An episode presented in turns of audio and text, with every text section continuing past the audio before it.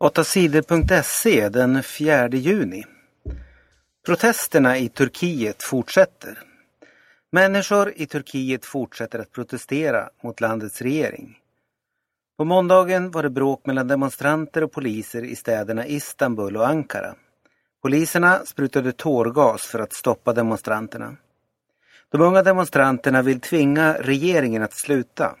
De är missnöjda och kräver mer frihet. Det har varit mycket våld mellan poliser och demonstranter. Flera människor har skadats i de senaste dagarnas bråk. Två människor har dödats. Det har också varit bråk mellan demonstranter och medlemmar i premiärminister Erdogans parti AKP. Vi har blivit misshandlade av folk från partiet AKP, säger en av dem som protesterar. USAs president Barack Obama bad på måndagen demonstranter och poliser att lugna sig och sluta använda våld. Sverige vann mot Makedonien. Sverige vann landskampen i fotboll mot Makedonien. Sverige vann med 1-0. Målet gjordes av Alexander Kakaniklic på en underbar passning från Zlatan. Kakaniklic var matchens lirare. I den första halvleken var han suveränt bra. Han sprang mest av alla, dribblade och skaffade Sverige massor av fina målchanser. Zlatan och Kakanitlic samarbetade mycket bra. Det var nära mål flera gånger.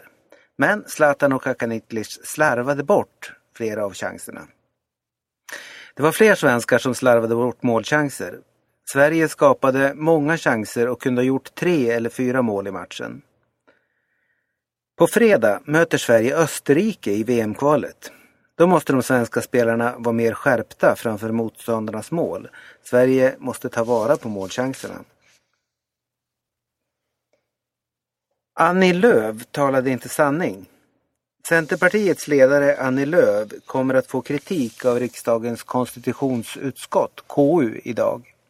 Det berättar nyhetsprogrammet Ekot. Konstitutionsutskottet ska kontrollera att ministrar sköter sitt jobb och talar sanning. Annie Lööf ska ha försökt dölja att näringsdepartementet hade betalat en fest för centerpartisterna som hon är chef för, berättar Ekot.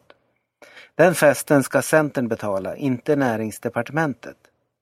Annie Lööf har sagt att folk på näringsdepartementet själv upptäckte felet och skickade räkningen till Centern.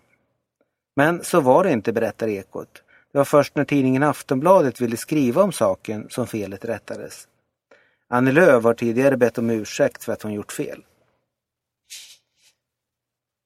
Prinsessan gifter sig på lördag. På lördag blir det kungligt bröllop i Stockholm. Prinsessan Madeleine gifter sig med Chris O'Neill. De gifter sig i Slottskyrkan. Efteråt ska brudparet åka runt i Stockholm i en bröllopsvagn som dras av fyra hästar. Blir det regnväder kommer de nygifta att åka runt i en stor amerikansk bil istället. Många skadade i trafikolycka. Det hände en stor trafikolycka utanför Örebro på måndagen. En tankbil krockade med två bussar. Omkring 60 människor skadades och fick åka till sjukhus. Några av de skadade är skolbarn. Lite senare hände en ny olycka på samma väg. En lastbil krockade med två personbilar. En man dog i den olyckan.